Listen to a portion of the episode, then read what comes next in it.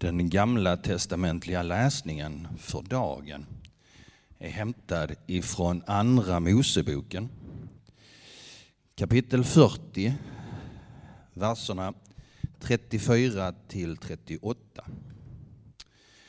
Då täckte månskyn uppenbarelsetältet och Herrens härlighet uppfyllde tabernaklet. Mose kunde inte gå in i uppenbarelsetältet eftersom månskyn vilade över det och Herrens härlighet uppfyllde tabernaklet. Så ofta månskyn höjde sig från tabernaklet bröt Israels barn upp. Så gjorde de under hela sin vandring. Men så länge månskyn inte höjde sig bröt de inte upp förrän den dagen då det höjde sig igen. Herrens månskyn vilade över tabernaklet om dagen och eld var i den om natten. Så var det inför ögonen på hela Israels folk under hela deras vandring. När jag har läst den här texten nu i veckan så tänker jag att jag skulle vilja dela med mig några ord här. Och jag tänker på att Herren alltid vägleder. Vi läser från Gamla Testamentet och det är verkligen verkligt än idag. När jag tittar tillbaka på mitt liv, så under de 30 åren som jag drack, så kan jag ju se att Herren vägledde mig också. Annars hade jag varit död idag. Och jag tycker det är viktigt att jag hela tiden tänker på det och att jag idag alltid går med Jesus. Gör jag inte det så är jag, jag har inte den kapaciteten själv. Jag, kan, jag klarar inte av det själv. Så han är verkligen verklig än idag och hela tiden. Och det är någonting som är vardagligt. Jag måste hela tiden vända mig till honom. Så tack Herre Jesus Kristus för att du är verklig och finns med oss alltid. Att vi bara vänder oss till dig och ber om din hjälp och vägledning och välsignelse. Amen. Nu ska vi höra en text som Allan ska läsa för oss. Vi ska läsa dagens episteltext från Uppenbarelseboken 1. Jag, Johannes, er bror som i Jesus delar lidandet, kungavärdigheten och uthålligheten med er, hade kommit till ön Patmos för Guds ords och Jesu vittnesbörds skull. Jag kom i hänryckning på Herrens dag och hörde bakom mig en stark röst som en basun och den sa vad du ser, skriv ner det i en bok och skicka den till de sju församlingarna. Till Efesus, Smyrna, Pargamon, Tyratira, Sardes, Philadelphia och Laodikea.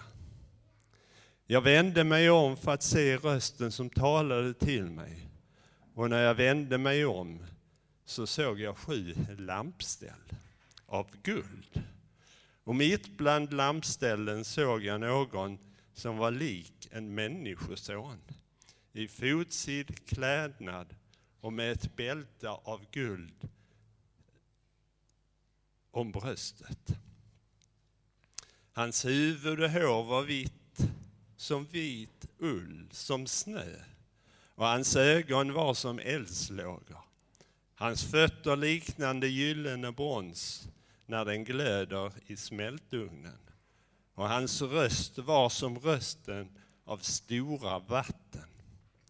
I sin högra hand höll han sju stjärnor och ur hans mun kom ett skarpt tveeggat svärd och hans ansikte var som solen när den lyser i sin kraft. När jag såg honom så föll jag ner som död för hans fötter. Och han lade sin hand, högra hand på mig och sade, var inte rädd. Jag är den första och den siste och den som lever. Jag var död, men se jag lever i evigheters evighet och jag har nycklarna till döden och dödsriket. Så får vi också bekänna. Jag bekänner inför dig, helige Gud, att jag ofta och på många sätt har syndat med tankar, ord och gärningar. Tänk på mig i barmhärtighet, förlåt mig för Jesu Kristi skull vad jag har brutit. Ja, så får vi lyfta fram, men gräv inte i glömskans hav, utan låt den heliga Ande lysa i ditt inre. Ja, Herre, hör nu varje hjärtas tysta bekännelse.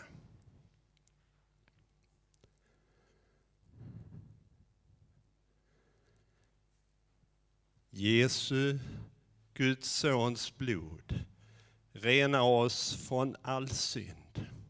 Detta litar jag på och vill ta emot förlåtelsen för Jesu Kristi skull. Låt oss tacka. Gud vår Fader, tack för att vägen till dig alltid är öppen genom Jesus Kristus. Hjälp oss att leva i din förlåtelse. Stärk vår tro, öka vårt hopp och uppliva vår kärlek. Amen. Låt oss be. Himmelske Fader, vi ber dig att du sänder din Ande över oss. Hjälp oss att se tydligare vem Jesus är och vad han har gjort för oss. Herre, låt ditt ljus lysa över ordet så att vi får vägledning, tröst och kraft. Kom helige Ande, i Jesu namn. Amen. Nu fick jag folkbibeln med mig så att om min text inte stämmer riktigt med den som ni får där uppe så är det mitt fel igen. Jag läser från Lukas evangeliets nionde kapitel från vers 28. Omkring åtta dagar efter det att Jesus hade sagt detta tog han med sig Petrus, Johannes och Jakob och gick upp på berget för att be. Medan han bad förvandlades hans ansikte och hans kläder blev skinande vita. Och se, två män samtalade med honom. Det var Mose och Elia och de visade sig i härlighet och talade om hans bortgång som han skulle fullborda i Jerusalem. Petrus och de som var med honom sov tungt, men när de vaknade såg de Jesu härlighet och de båda männen som stod där tillsammans med honom. När dessa skulle skiljas från honom sa Petrus till Jesus, Mästare, det är gott för oss att vara här. Låt oss göra tre hyddor, en åt dig, en åt Mose och en åt Elia. Han visste inte vad han sa. Medan han talade kom ett moln och sänkte sig ner över dem och lärjungarna blev förskräckta när dessa trädde in i molnet. Och ur molnet kom en röst. Denne är min son, den utvalde, lyssna till honom. Och när, sedan, och när rösten ljöd visade det sig att Jesus var ensam. Lärjungarna teg och berättade inte vid den tiden för någon vad de hade sett. Så lyder det heliga evangeliet. Lovad vare du, Kristus. Det här är en av kyrkoårets lysande stora dagar. Och eh, det är därför att vi lite grann får se vem Jesus är. Och så småningom, om predikan håller ända till slutet, så ska vi också lite grann se vad detta betyder för oss. en vecka senare, och det var en vecka efter att Jesus och lärjungarna hade varit vid Caesarea Filippi, rätt långt upp i norr i Galileen. Och där hade ju Petrus fått lov att bekänna att du är Messias, den levande Gudens son. Och det är alltså en vecka efteråt och eh, vi vet inte riktigt var. Sen ett par hundra år, kanske lite mer, har man pekat ut berget Tabor som platsen för Jesu Kristi förklaring. Det finns andra som menar att det troligare är Hermon som är ett ännu högre berg på väg där upp mot gränsen till Libanon. Vi vet inte riktigt var. Men vi har berättelsen och när Petrus berättar om det här så skriver han att det var inte någonting som vi själva hade hittat på utan detta var någonting som vi har varit med om, som vi har sett med egna ögon. Jesus tar med sig några av lärjungarna upp på berget för att be. Det är tydligt att Jesus ofta gör så. Han gjorde det innan han kallade de tolv. Han gjorde det vid många andra tillfällen. Drog sig undan folkmassan, tog med sig någon eller många av lärjungarna för att be, för att vila och för att återhämta krafterna.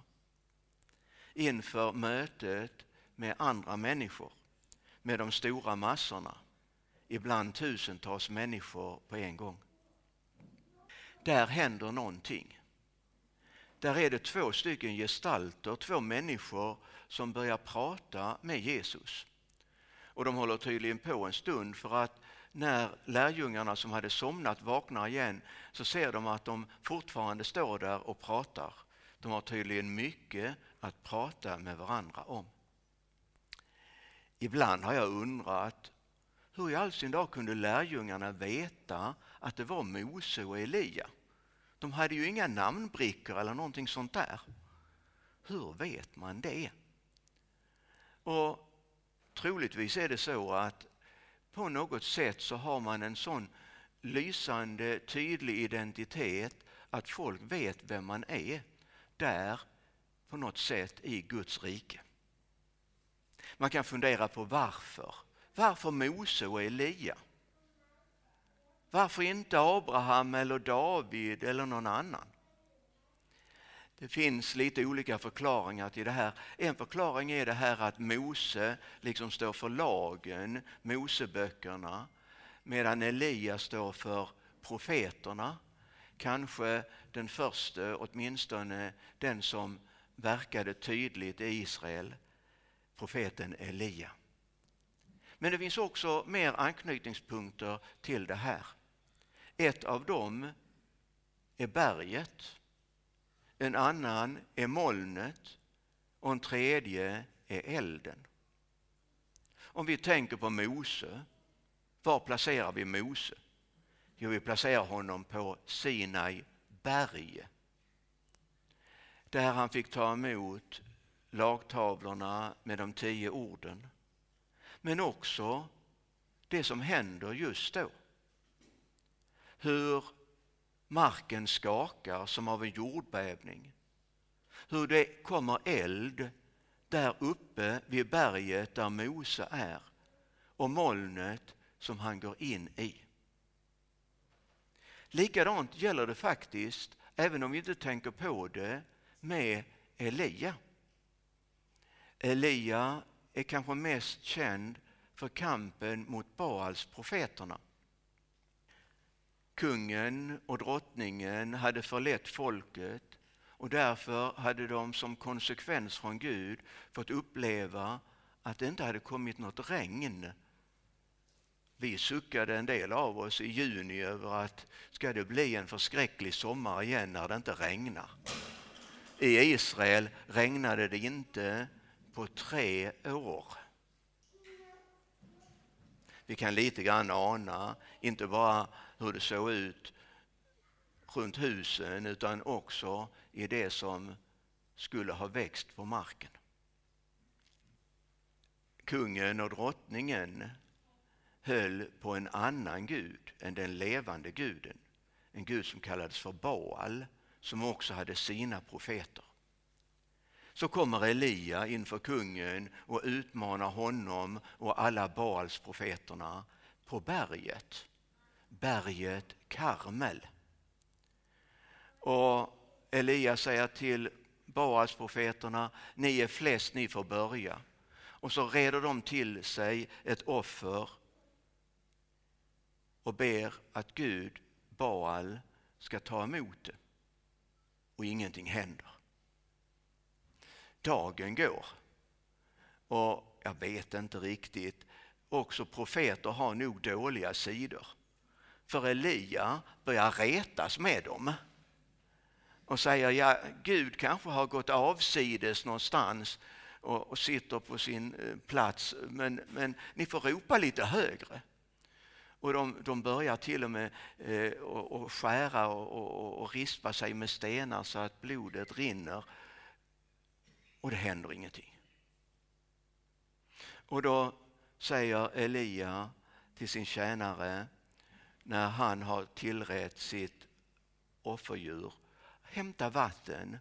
Och jag vet inte riktigt om man måste gå ända bort till Medelhavet för att hämta vattnet.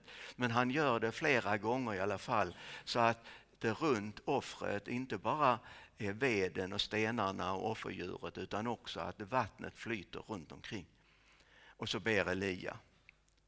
Gud, visa att det är du som är den levande guden. Och vad händer? Jo, det kommer eld från himmelen och signalerar att det är Gud. Det är Elias Gud som är den levande guden. Berget, elden, offret och Guds ord. Men det är inte bara det, utan vad är det Mose har fått göra? Jo, han har fått leda folket från fångenskapen, från slaveriet, ut i öknen för att fira gudstjänst till Gud och sen vidare mot det utlovade landet. Och därmed är detta ju en profetia om Jesus. Vad Jesus skulle göra. Vi har idag fått läsa Lukas evangeliet och det, det är bara Lukas som berättar vad det är de pratar med varandra om. Mose, Elia och Jesus. Jo, de pratar om Jesu bortgång som han skall fullborda i Jerusalem. Det är lite grann så att vi känner igen Jesu ord på korset när Jesus säger det är fullbordat. Det som Mose på ett sätt var en förutsägelse, en bild av, det hände ju i Jerusalem när Jesus dör och uppstår och sen lämnar jorden synligt i ett moln.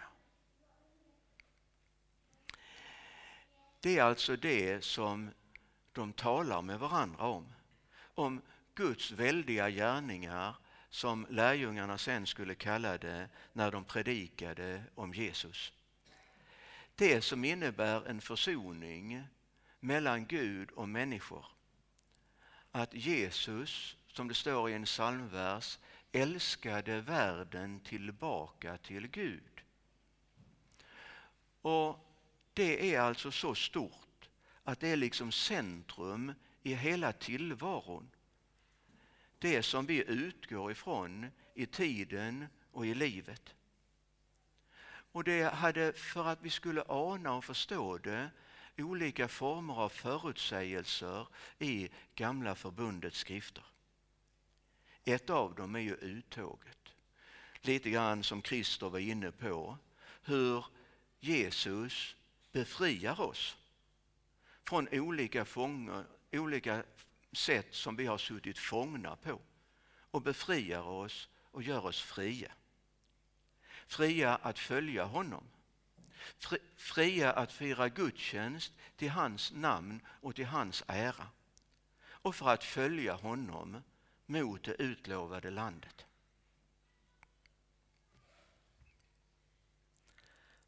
Hade jag gjort fler utvikningar här så hade jag pratat om Jordan som floden som man går över in i det utlovade landet, men det sparar vi till en annan gång. Däremot så behöver vi säga någonting mer om Elia.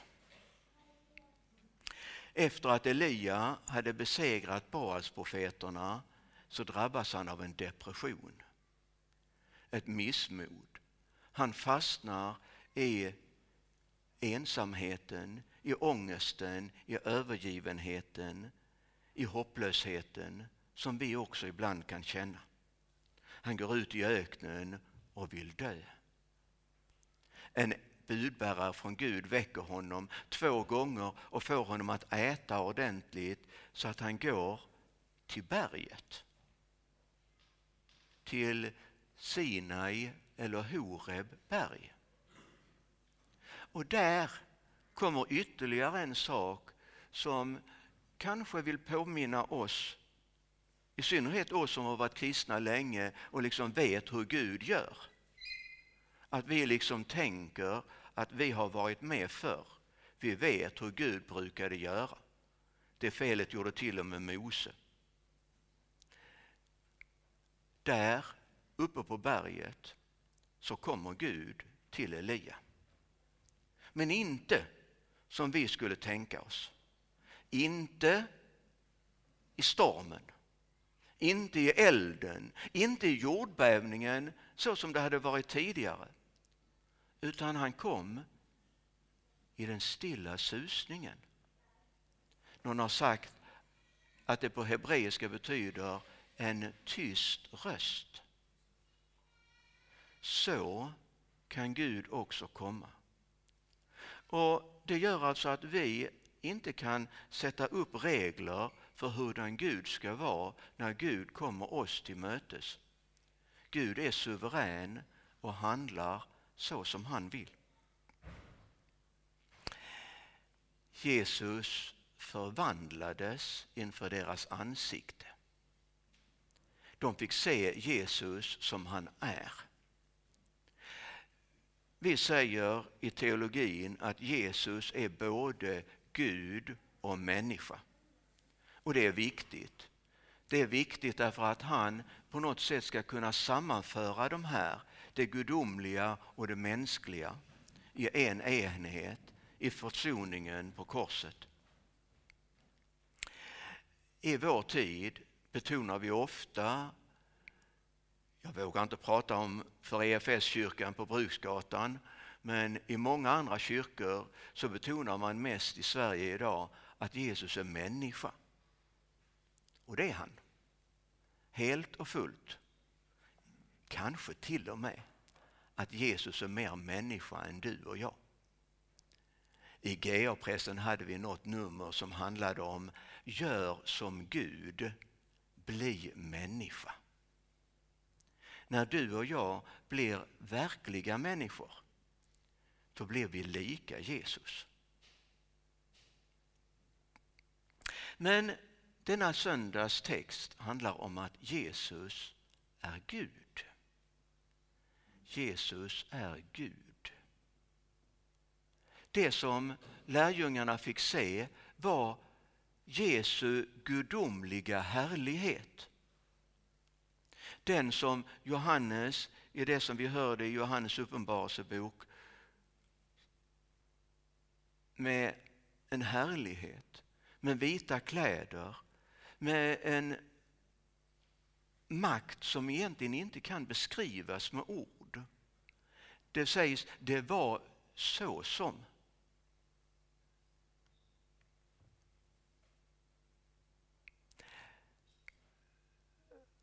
Och det som hände både i Johannes och här på förklaringsberget är att människor inte kan stå ut. Människor faller ner till marken som döda, åtminstone som sovande. Så är det i skillnaden.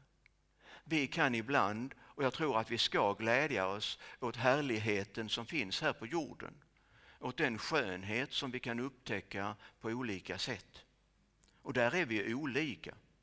Skönheten i mina ögon är inte samma som skönheten i dina ögon.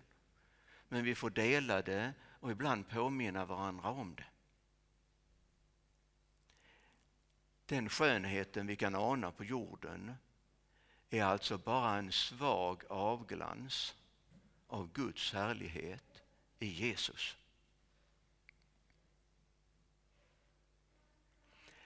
Vad betyder då detta för oss att Jesus är Gud? Jo, det betyder dels att människan som hör till den här skapelsen plockas in i gemenskapen med Gud. Jesus blir ju människa och sen när han lever som människa, sen dör han som människa, uppstår som människa och tas upp till himlen som människa. Så det mänskliga, det finns alltså nu i Guds rike. Och därför är det som Jesus har berett vägen för oss. Genom försoningen, genom förlåtelsen in i Guds rike. Det är där du och jag hör hemma. Vi som hör ihop med Jesus. Det är därför som Paulus kan säga vårt hemland är himlen. Och det skrivs också att vårt liv nu är fördolt med Kristus i Gud. Det är alltså vår djupaste identitet. För Jesus skull är du och jag Guds älskade och fria barn. Det betyder också att du och jag ska få dela hans härlighet. När vi får se honom ansikte mot ansikte så kommer vi att förvandlas till att bli lika hans härlighet. Det är så stort att vi inte kan förstå det. Och vi kanske inte ska anklaga lärjungarna för att de inte heller förstod vad de hade varit med om. Kanske också det finns en poäng i det här att vi kanske tycker att de var tysta om det här. De berättade inte om det här förrän efter Jesu uppståndelse. Men då gjorde de det. Kanske är det så att när du och jag har starka andliga upplevelser eller stilla möten med Gud, att vi ska bevara dem. Som Maria gömde och begrundade detta i sitt hjärta. Och att vi inte pratar om det, åtminstone inte på en tid. Därför att vi behöver stanna inför Gud.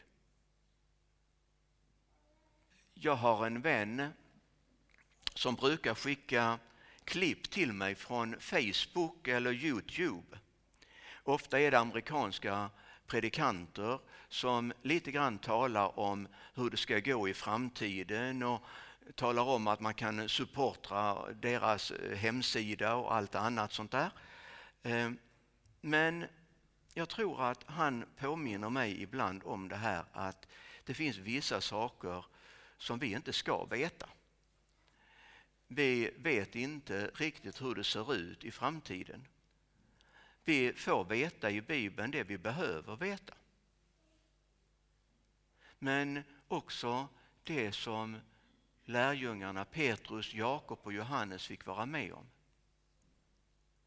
När Jesus rörde vid dem så tittade de upp och så såg de ingen utom Jesus. Jesus alena. Och det är nog också tilltalet till oss. Att vi får lov att leva var dag tillsammans med Jesus. med Jesus alena. Och det räcker. Låt oss be. Himmelske Fader, vi tackar dig för att du har sänt Jesus till oss för att han ska uppenbara din härlighet för oss. Herre, hjälp oss att se att Jesus inte bara är människa utan att han också är Gud. Herre, fäst oss vid honom. Hjälp oss att stanna hos Jesus och ta emot det du vill ge oss genom honom. Herre, vi tackar dig också för att du har kallat oss till ett hopp som är större än vad vi kan fatta. Att vi ska få dela hans härlighet för Jesu Kristi skull. Det tackar vi dig för mer och mer. I Jesu namn. Amen.